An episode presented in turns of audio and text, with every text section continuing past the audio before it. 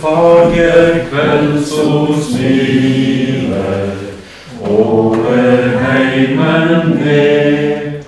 Jord og himmel hviler stilt i heilag fred. Bære du sag frå det bratte fjell. Høyr hvor sterkt i den stille kveld. Ingen kveld kan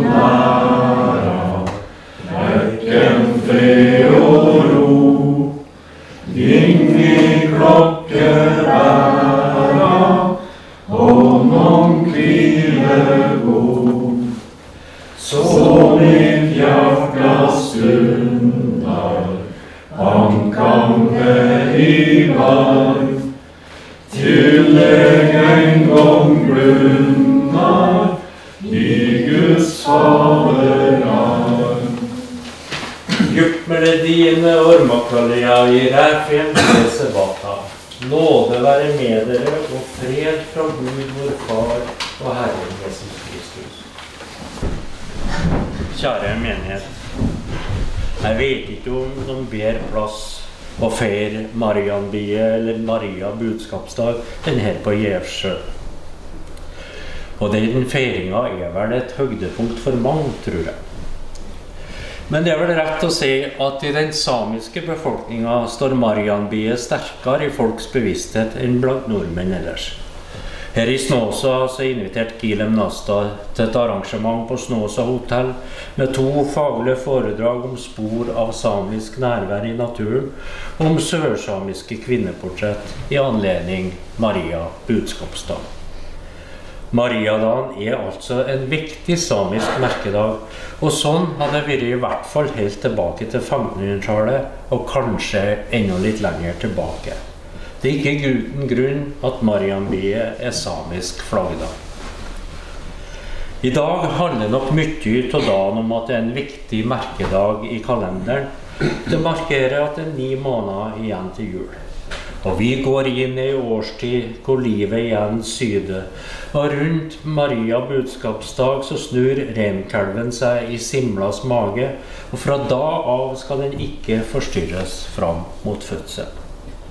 Dagen er òg for mange en merkedag for været og se nå om hvordan svårvinter blir.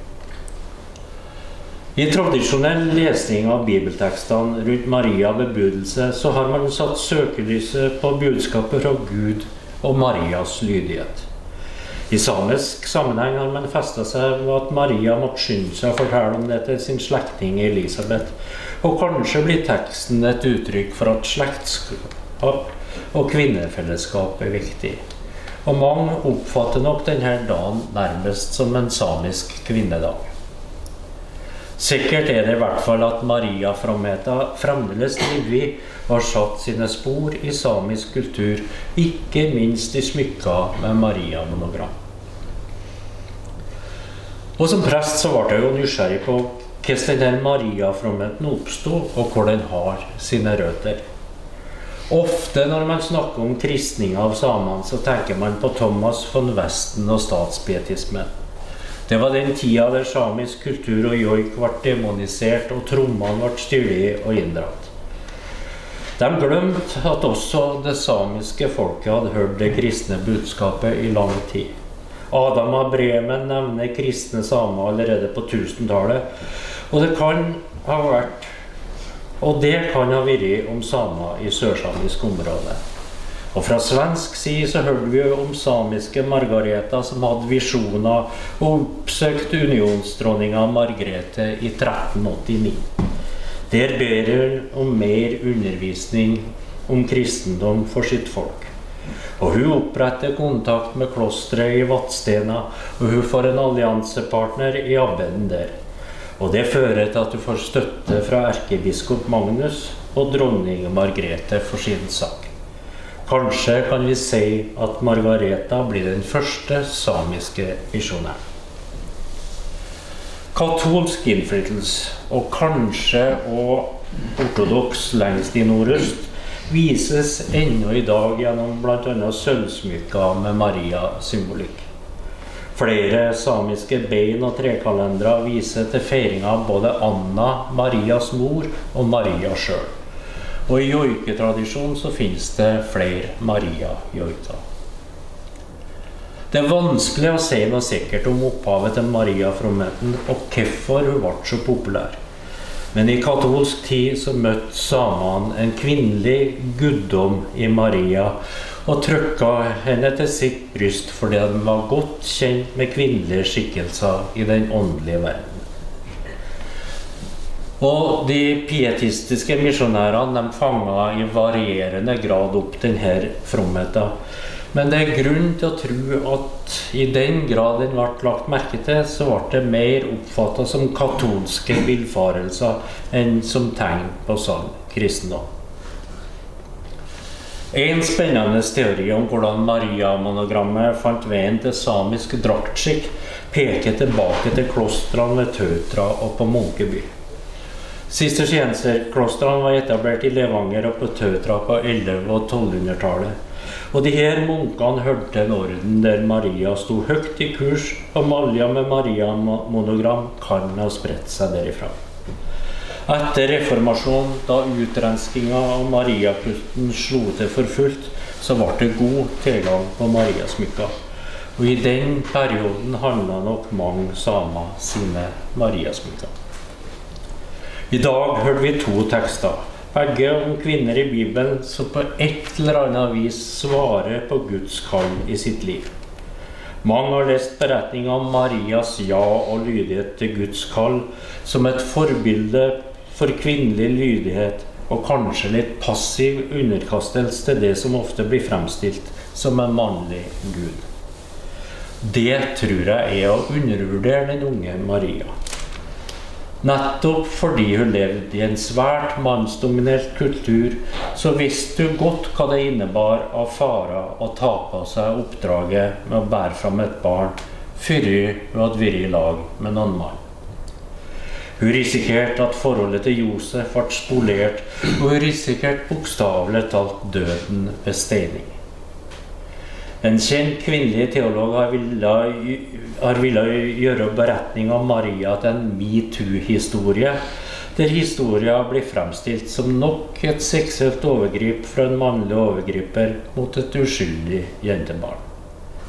Og Jeg forstår at det er mulig å lese historier sånn, men jeg tror at det blir å holde Maria fast i en offersituasjon der man per definisjon lar kvinner frakjennes egenvilje og mulighet til å handle. Jeg tror at når Maria svarer engelen Se, jeg er Herrens tjenestekvinne. Se, jeg er Herrens tjenestekvinne. La det skje med meg som du har sagt.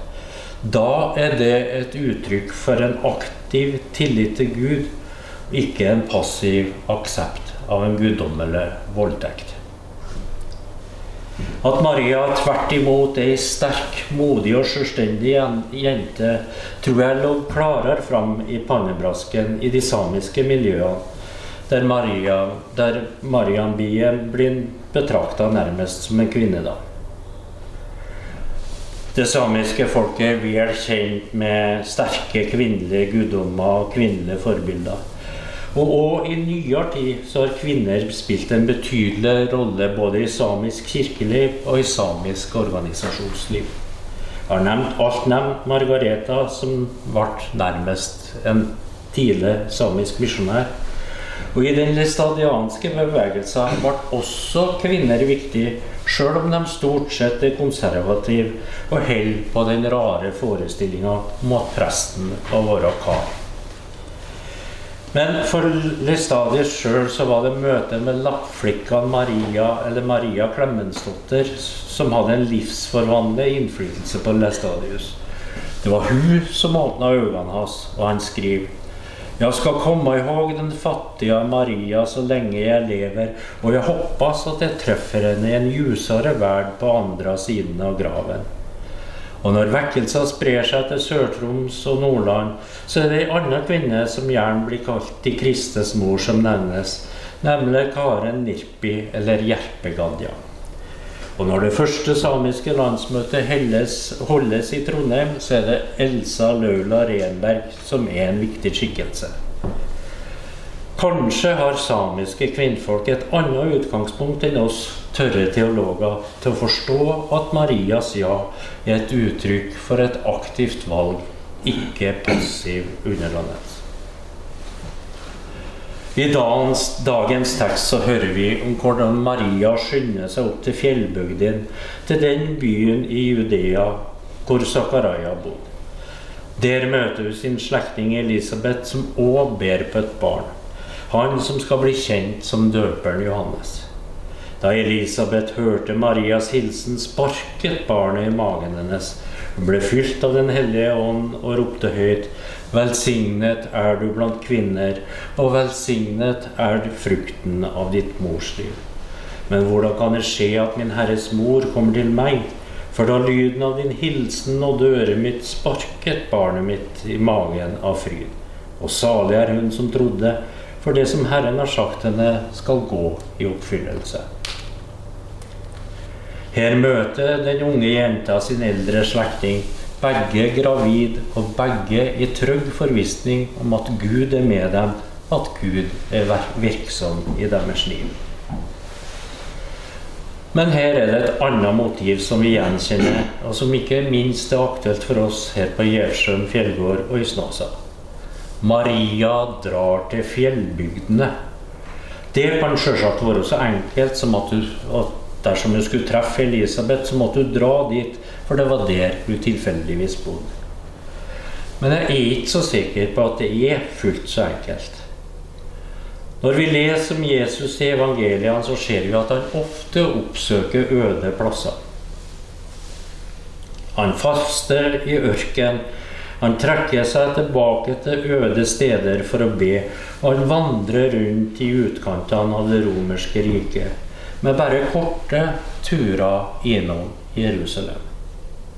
Vi er jo vant til å tenke på at det viktige det skjer i storbyene. I London, i Moskva, Paris og Washington, og muligens òg i Oslo. Men Jesus var ikke der.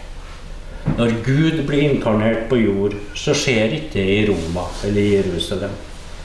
Tvert imot så er det gjeterne på marka som mottar budskapet om at jødenes konge blir født i en stall så langt fra maktas sentrum som man kan komme.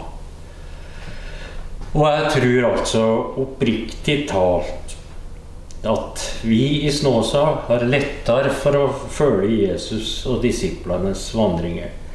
Det er ikke så langt fra Genesaretsjøen til Snåsavatnet og til Gjevsjøen. Og vi vet da ennå hva gjetere er, og vi kan godt kjenne lukta av bål og stekt fisk når disiplene har kommet i land med fangsten. Jesus vandrer omkring blant de vanlige. Han holder seg unna storbyene, og når han trenger klarsyn og åndelig påfyll, så drar han til øde plasser for å be.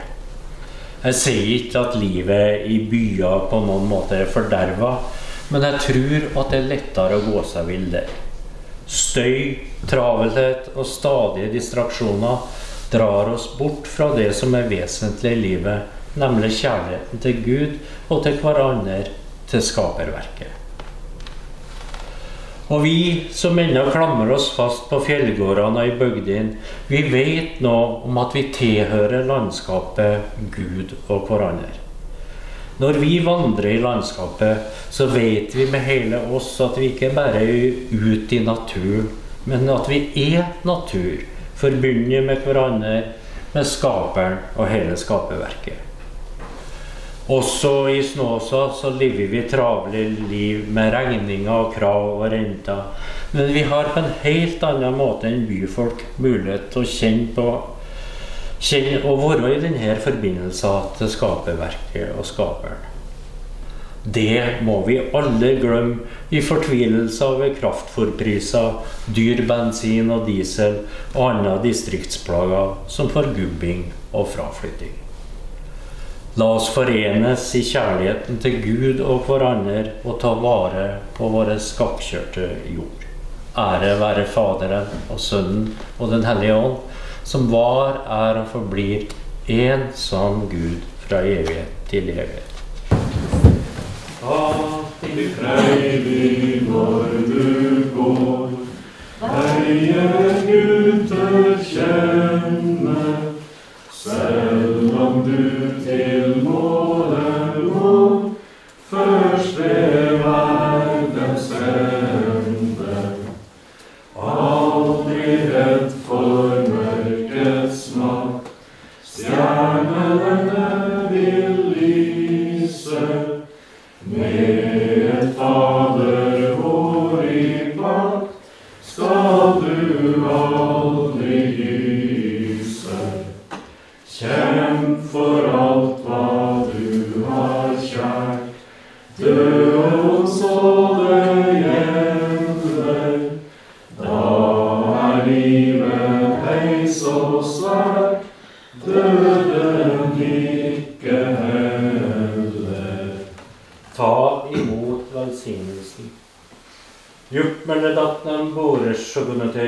datnem varjele.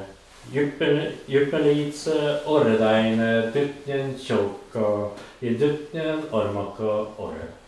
Juppmelitse orredeine dogokajora i dutnjen ræfjen vatta. Herren velsigne deg og bevare deg. Herren la sitt ansikt lyse over deg og være deg nådig. Herren løfte sitt åsyn på deg og gi deg fred.